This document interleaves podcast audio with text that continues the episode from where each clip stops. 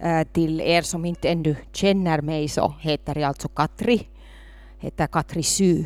Och det är därför att där sitter min man Marlon, Marlon Sy och ja, vi har ett kinesiskt släktnamn. Och vi är ingen syateljé i, i Pargas där vi bor. så för er att veta varför jag heter så här. Eh, jätteroligt att vara här och eh, som ni hörde redan från Marina så är temat fasta och fasta och bön idag. Och eh, när jag blev tillfrågad att predika här idag äh, om fasta så jag tänkte först att det finns två saker. Jag måste först fundera, ska jag predika alls? Och sen måste man fundera, att kan jag predika om fasta? Så när jag gick genom båda steg och eh, upplevde att Gud uppmuntrade mig ändå att säga ja, så här är jag idag. Och eh, det blir en miniserie om fasta. Miniserie eh, betyder att det finns två delar och det här är del ett och nästa söndag är det del två med Anna Stenud Degbö. Så hon fortsätter med, med samma tema. Uh, kanske ni enar med mig att eh, fastan predikas inte så ofta om. Fasta och bön. Åtminstone jag själv, jag tror att jag bara en gång i livet hört en riktig eh, predikan om fasta och bön. Så det är inte så ofta man hör det. Eh, och sen kan man nog fråga vad är andlig fasta? Vi vet alla att det betyder att man avstår från maten eller maten och dricka för ett andligt syfte se, det vet vi alla. Och nu vi håller på att gå in i påskfastan och, och närmar oss sen påsken.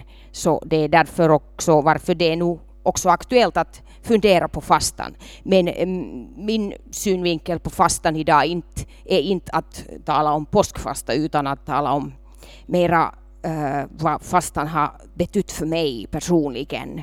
Och äh, ja, det är det som jag mest fokuserar på. Men en, innan vi går dit så vi kan ändå ta lite bakgrund på temat från Bibeln.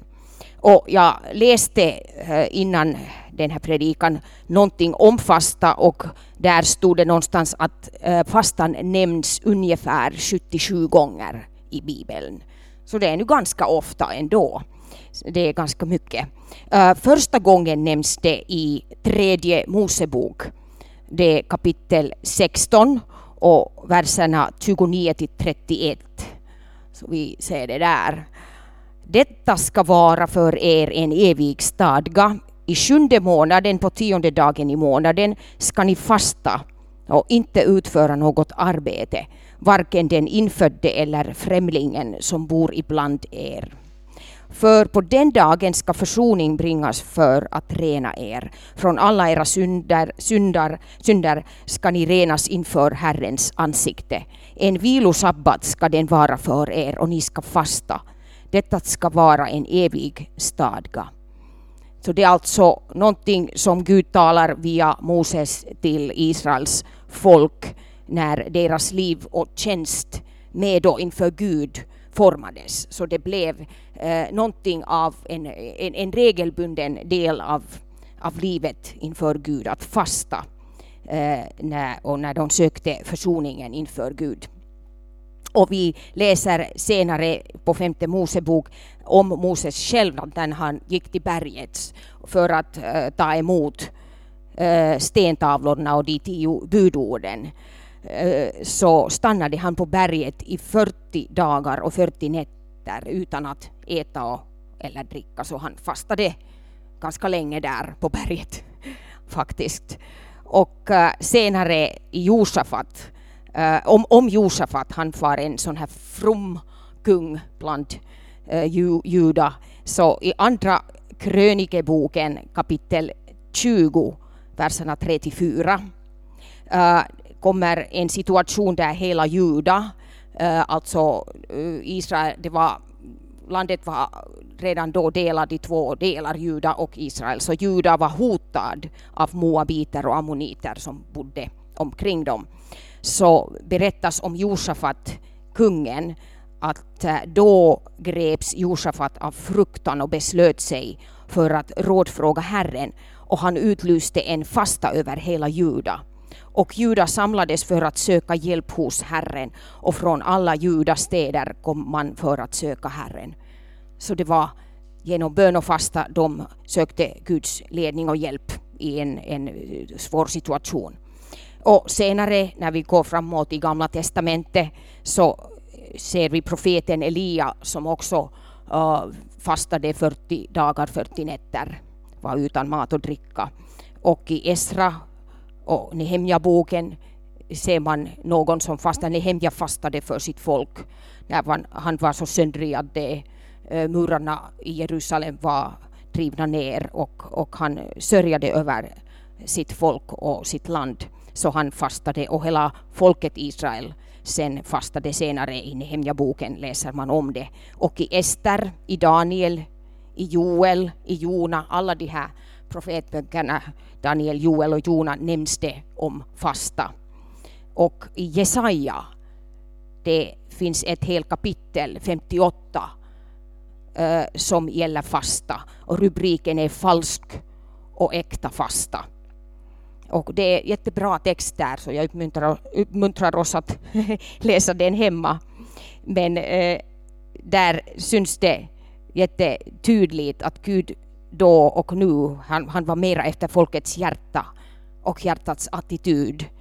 Att, det, att fastan skulle inte bli bara en, en ytlig religiös gärning som man gör för att Gud skulle vara nöjd, utan att det var, Gud, Gud var efter deras hjärta det var Jesaja 58 som man kan kanske läsa hemma. Men eh, vi kan sammanfatta att i Gamla Testamentet redan var fastan en vanlig del av israeliternas liv och eh, det var inte någonting konstigt eh, eh, för dem att, att fasta. Och när vi går till Nya Testamentet så först kommer kanske tanken om Jesus själv, att han fastade 40 dagar och 40 nätter och, och frestades sen av djävulen i öknen. Och Johannes döparen och hans lärjungar fastade. Och uh, när vi går till apostlagärningarna berättas det om apostlarna och församlingen att de alla fastade. Och vi kan ta en, en, eh, ett exempel från apostlagärningarna kapitel 13 och verserna 2 till 3 sägs det att när de tjänade Herren och fastade sade den helige Ande, avskilj Paulus och Barnabas åt mig för den uppgift som jag har kallat dem till. Då fastade de och bad och lade händerna på dem och skickade sedan ut dem. Så det var genom eh, bön och fasta att de kom på, kom på eh, det här, vad, vad de ska göra. Och eh, vi går vidare i Apostlagärningarna kapitel 14, så där i verserna i, i versen 23 så berättas det om Lystra, Derbe och Ikonium Eh, att i varje församling utsåg de äldste åt dem och efter bön och fasta överlämnade de dem åt Herren som de hade kommit till tro på.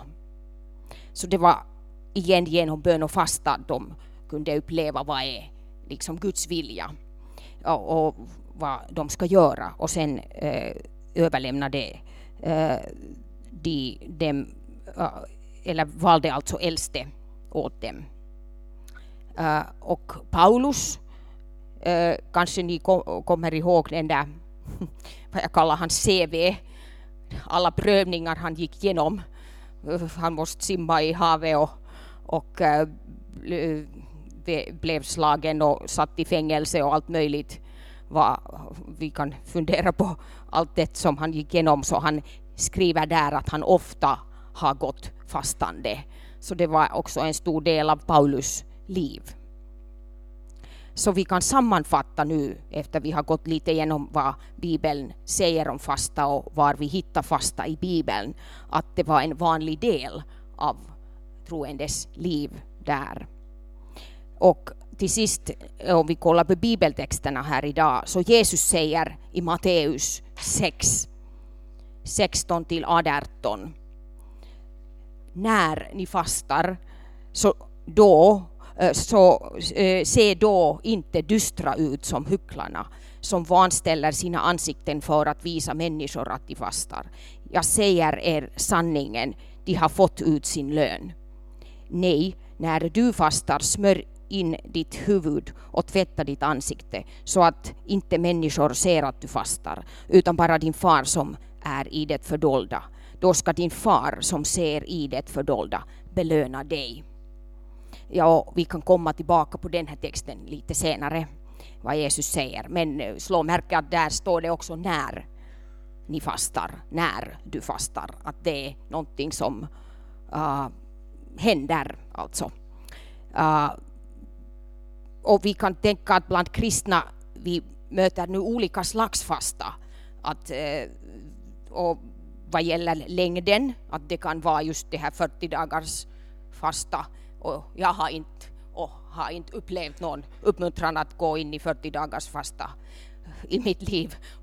Inte ännu, men det finns uh, olika typer av fasta vad gäller längden. Någon fastar en dag, en vecka kanske, tre dagar, en halv dag. Uh, och sen kan man fråga hur ofta fastar någon? Är det regelbundet? Är det då och då eller är det vid behov? Och vad är det man avstår från? Är det mat och dricka eller är det mat? Eller är det någonting annat? Det kan man också uh, säga. Och uh, jag just under veckan så hörde jag om ett ungdomsmöte här i stan att de hade diskuterat uh, fastan som gäller att, stå, att, att vara utan din mobiltelefon för en tid eller uppleva att det är inte så viktigt för mig att ha min mobiltelefon hela tiden med mig. Så en sån typ av mobilfasta. Äh, och sen kan man se, eh, fråga att varför fastar man? Att är det för mig själv? Är det med i församlingen eller det för en hel stad eller hel nation? Så det är också någonting som äh, att det finns olika slags fasta. Och jag läste lite om äh, i, i, en bok som är skriven av pastor Kimuli från Uganda. Så eh, eh, genom deras 40 dagars fasta som de har gått in flera gånger där i landet så har det hänt stora förändringar i samhället. Eh, och vi kan tro på det. Alltså, det har vi kanske läst om, att i Uganda har det hänt, hänt mycket gott Eh, vad gäller liksom aids-sjukdom och, och, och, sånt. Att det är stora eh, synliga saker som har hänt genom att de har bett och fasta. Eh, och det är alltså fasta och bön. Det är inte bara fasta, men det är fasta och bön som hör ihop eh, när det gäller, om vi talar om fasta. Och fasta är en, en form av överlåtelse till Gud i bön. Eh, och i vår egen relation till honom. Men nu till det där som jag lovat, min fokus idag är mera om hur jag själv har lärt mig att fasta. Så eh, det så som det ofta varit i mitt liv, att Gud själv har tagit initiativet. Uh, och uh, jag måste egentligen skrapa mitt minne lite när jag fick det här temat, att när har jag egentligen fastat? första gången och varför har det hänt i mitt liv överhuvudtaget. Så plötsligt jag kom ihåg att det hände då jag var studerande här vid Åbo eller Turun yliopisto, så jag studerade här vid universitetet och eh, var någonstans mitt i mina studier. Och eh, den här berättelsen gäller inte mina studier. Jag borde kanske ha fasta och bett mycket, mycket där också, att det skulle ha gått snabbare. Men äh, egentligen gäller berättelsen äh, min relation till min mamma och eh, hennes relation till Gud. Och det var eh, i den tiden så bodde min mamma i Lahtis och eh, jag åkte dit så ofta jag kunde för att besöka henne. Och hon bodde ensam därför att min pappa dog under mitt första studieår, studieår så hon, hon var en änka som levde ensam där i Lahtis. Och äh, jag kan säga att vår relation var i och för sig helt okej. Okay. Att vi var we were in terms, alltså vi pratade och det var helt okej okay på det sättet. Men jag minns att under den tiden när jag blev studerande här så blev också min relation till Gud äh, starkare och djupare och jag fick lära mera genom olika möten och gick in till studentarbete, alltså kristna sammanhang. Så jag växte upp kanske i Herren på ett nytt sätt när jag studerade samtidigt här. Så, uh, så det började bli lite svårt och tungt att diskutera med min mamma ibland. Jag, jag upplevde att det, det är inte så roligt.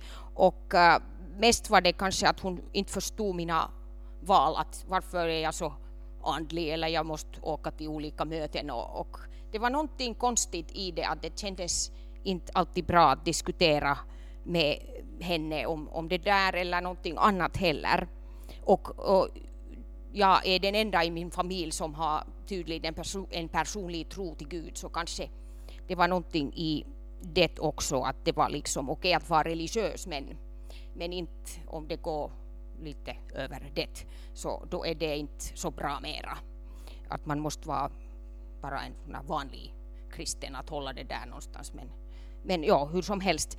Så jag upplevde att hennes attityd störde min andliga frihet på något sätt. Och, och, eh, och samtidigt ville jag att hon själv skulle få uppleva mera av Guds kärlek och nåd själv och, eh, och växa bort från hennes felaktiga bild av Gud. Så hon ha, hade vuxit upp med en Gud som är arg eller distant eller man måste alltid vara lite rädd för Gud. Att det, det blev, hade inte blivit personligt för henne. Uh, och, så jag upplevde att det var någonting kontrollerande eller lite begränsande uh, under våra diskussioner jag, när jag träffade med henne. Uh, så ett ögonblick, jag vänder lite. Vännerblad. Jo, så efter en till resa till Lahti så jag funderar igen att vad är det? Varför blir det tungt och varför det är inte roligt att vara där och vad är det? Så eh, jag måste ha processerat det här därför att jag, jag minns inte var, vilken studielägenhet jag höll på att bo då i. Jag tänkte på det också, jag har bott i flera, därför jag studerar så länge, så jag har bott i flera lägenheter och vilken butik jag var i, kanske här i den där fina Puhakkan, den var där redan då, så kanske någonstans där så jag plötsligt kom en tanke och det kom på engelska, alltså genom mitt huvud sa fast for three days and see. Så det, det kom så där helt, helt out of the blue måste jag säga. Så jag, jag tänkte, hmm, vad, vad, vad var det här nu för någonting? Och äh, jag måste säga att jag hade aldrig tänkt på att fasta. Att jag visste nog sådär på något sätt att det finns någonting som fasta. Och det är för de här, de här superfromma kristna som bor i kyrkan och gör inte någonting annat än ber för kyrkan och fastar och lever för Gud och vet du sådana såna kristna som jag tänkte att de, de, de fastar. Uh, men ändå den där tanken så jag förstod att det är att fasta i tre dagars tid och se vad, det, vad händer. Och så det stod kvar i mig, det lämnade inte mig i ro. Att jag, det var någonting i det där, att det stod kvar i mig och det kändes inte hårt eller krävande. Det var inte att first for three days. And det var utan att, ja, det är en tanke. Varför inte? Skulle du kunna testa det här? Så, det, så tänkte jag, varför inte? Så på något sätt sen ledde det till att uh, jag läste inte om någon fasta heller då, utan jag gick till butiken och tänkte att tre dagar så köper jag lite saft kanske och, och någon bärsoppa kanske någonting, så kanske någon yoghurt, jag vet inte. Sådana grejer skaffade jag sen åt mig och gick in till det där tre dagars fasta och minns att, att under kanske första kvällen så då var det lite skakande i livet att då, då var det tungt att vara utan mat och nästa dag, den andra dagens morgon var också ganska tungt. Men sen blev det lättare plötsligt under andra dagen och tredje dagen var kanske inte så dåligt mera. Att jag vet inte om jag skulle kunna fortsätta, jag, jag vet inte. Men jag gjorde det där och uh, säkert bad jag till Gud. Jag förstod att det är någonting som gäller min relation till Gud, att jag gör det för Gud och med Gud och upplevde att han var nära till mig under de där tre dagarna. Och eh, no, sen kan vi nog fråga, då vad hände sen?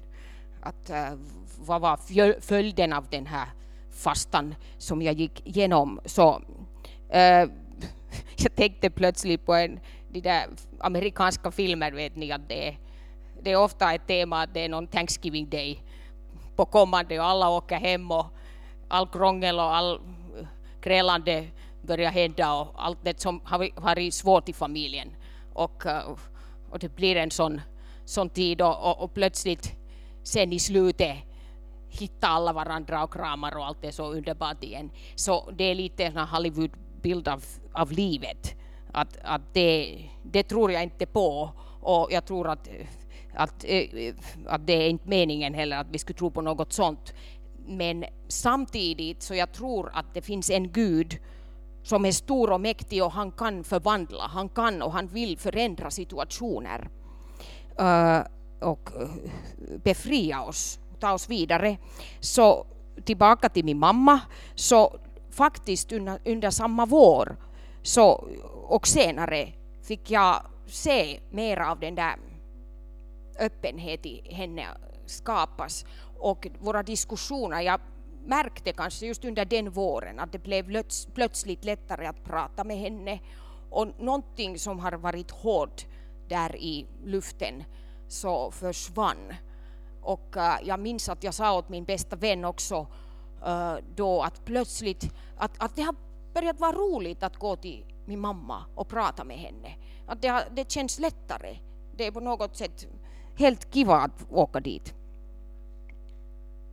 Och eh, det som, eh, jag upplever att hon blev också mer intresserad av att diskutera saker och ting om Gud och hennes egen längtan som finns i oss alla ändå, så börjar liksom komma fram och hon börjar fråga mera frågor och jag, skulle, jag skulle säga att hon blev mera öppen för helig ande, så att vad Gud, Gud kan göra, att han lever nu och här, just nu, varje dag för oss. Eh, och eh, under åren jag tror att, att Gud fick möta henne, att det var inte bara den våren utan att det öppnade någonting nytt i hennes liv och i vår relation, eh, alltså min och min mammas. Och eh, jag tror att Gud fick möta hennes egna rädslor. Hon hade mycket rädslor eh, säkert kvar i henne som jag fick se också senare att då inte allt gick bort från henne men någon öppning från Gud kom in i henne och hon hade varit en liten flicka under vår, äh, krigstiden. Så jag kan förstå att det var jätteskrämmande att vara ett barn eller tonåring under den tiden. Så det är säkert många rädslor som fanns där att, att, äh, att Gud fick börja möta på något sätt. Äh, och hon hade också många skuldkänslor som kom fram senare när vi pratade under åren. Och jag tror att också då när vi pratade så det ofta det var lätt att sen leda det, det till Gud och, och liksom bekräfta åt henne, till henne att Gud är nådig, Gud älskar oss och han, han älskar henne också. Så någonting alltså förändrades och vad jag vill säga idag att det var en skillnad eh, i, det, eller i det att jag hade fastat och bett, inte bara, inte bara bett så att säga. Jag vill inte säga att bara be, alltså bön är jätte Eh, äh, jättekraftigt och inte betyder det heller att om vi väntar på någonting i våra liv så det, vi måste fasta vet ni. Eh, att det är inte vad jag försöker säga men jag går tillbaka till att det var Gud själv som tog initiativet att säga till mig fasta och be och se vad händer. Så det var någonting från Gud att han, eh, han hade sagt det till mig. Eh, och jag tror att Gud hade sett att min relation till min mamma och hennes relation till Gud var någonting så viktigt att Gud ville göra någonting nytt i det. Det var så viktigt för Gud själv att någonting hände där. Nå, sen efter det, om jag, jag frågade mig själv en fråga, vad betyder fastan för mig idag? Så jag kommer inte alls ihåg att jag skulle ha snart fastat igen. Jag tänkte det här, it's, it's working, så att jag började fasta igen och igen. Det, det, blev inte så, att jag kommer inte alls ihåg att det blev kanske en lång paus eller innan jag fastade igen. Men, men det kan jag säga att det blivit en, en del av mitt liv. Uh, jag har någon gång gått igenom en tre dagars fasta efter det också.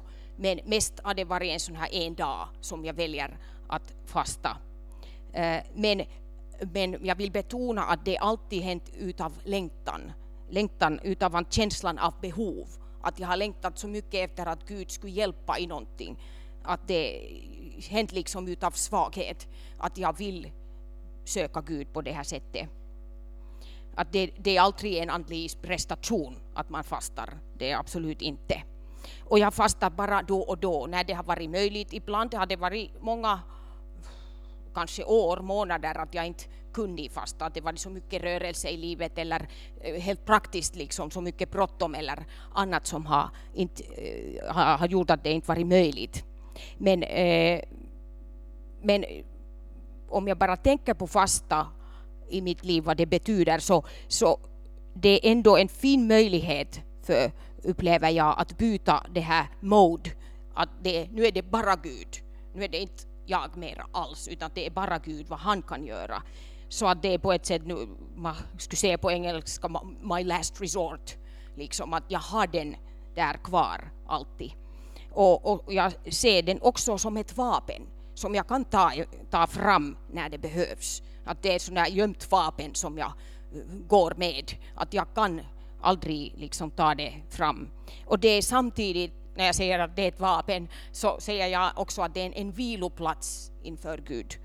Och, och, en plats av förnyelse inför Gud.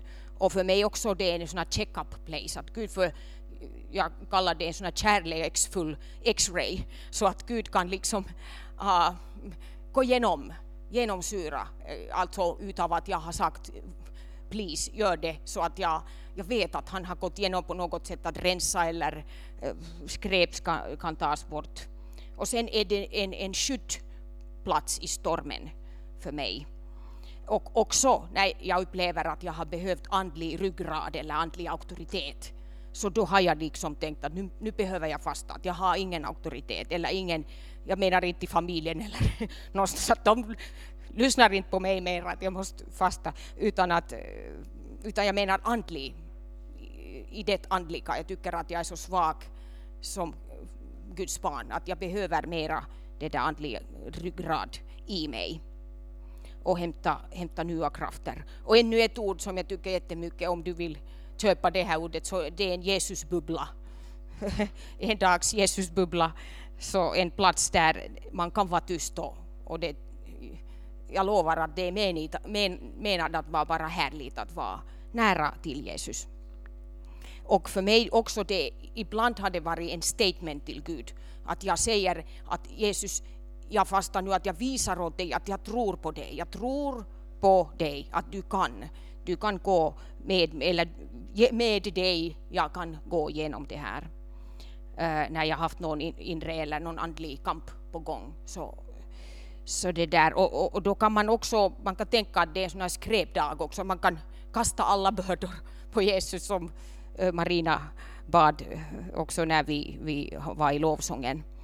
Eh, men jag har också någon gång fastat för en annan person. Att jag har haft en situation där det var en, en ung, ung flicka, min släkting, som hade cancer. Så jag tror att flera av oss som var i den där Eh, kretsen, förbönskretsen eller kedjan för henne, så vi, vi fastade. Och eh, någon annan också som haft, har haft det svårt, så det har känts bra att kunna fasta och be för den människan. Eh, och sen, jag, jag tror att jag har också fastat tillsammans med andra i någon församlingssammanhang. att det är en helt annan dimension om en församling fastar eller om vi fastar tillsammans. Man kan bara tänka sig. No, sen en helt praktisk liten synvinkel vad gör jag på den dagen. Så jag lever helt normalt. Uh, jag tar det lugnt.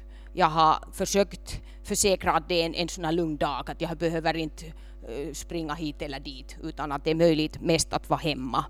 Och nu för tiden lyssnar jag ganska mycket lovsång under den dagen och uh, till och med laga mat om mat behövs. Och, och, det har jag gjort att sen har jag har lagat med filis bara att det, kryddor ungefär så här och sen jag frågar min son att smaka om det är okej okay, så sen är det okej. Okay. Så något sånt, utan att jag vill inte visa till andra, speciellt när barnen var små så jag ville inte visa att varför äter mamma inte? Att, att jag försökte gömma det på något sätt men, men det var ändå viktigt för mig själv att kunna mm, fasta även då.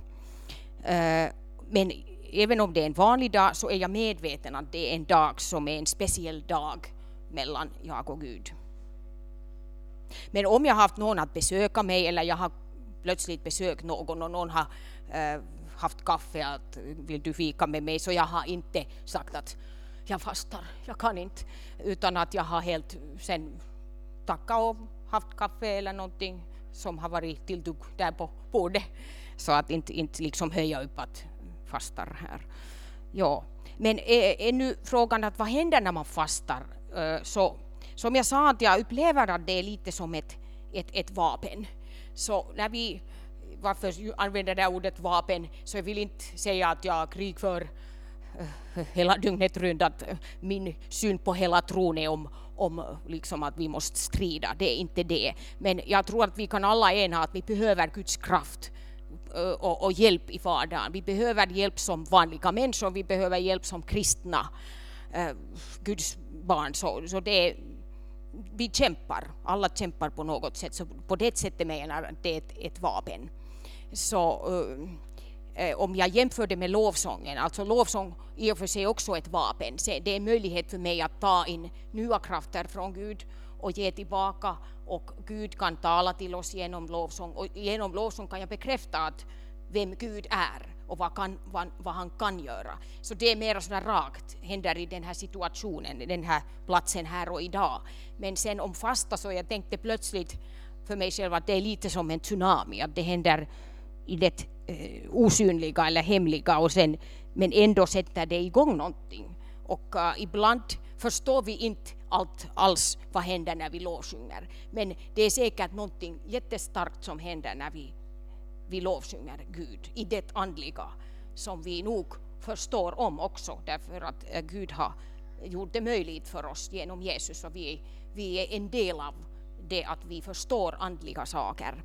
Så uh, inte förstår vi allt heller när vi läser Bibeln och, och ta det in med tron. Vi tänker kanske inte någonting hände. Och ofta när jag fastar, jag känner inte någonting under den dagen. Det, det är inte stora känslor utan att det, det, är bara att jag går igenom den dagen men jag vet att det är någonting som händer där. Och, eh, eller när vi, när vi ber så att någonting i, eh, hos Gud eh, sätt, sätts alltid, alltid alltså Guds verk sätt, sätts igång när vi ber eller när vi lovsjunger, när vi fastar. Så det kan vi tro på. Det sätter igång någonting i det andliga. Det, det är säkert så. Och man kan se, säkert genom fasta eller genom bön eller något, vi kan se direkta svar, liksom genombrott som sker ganska snart eller tydligt. Men sen mest skulle vi alla säga säkert att det är om att vi vandrar småningom eller en, en stadig process med Gud i det här livet. Och uh, i den här processen så jag har upplevt just att fasta är någonting som jag vet att det är en plats där jag kan liksom få nya krafter och gå vidare igen.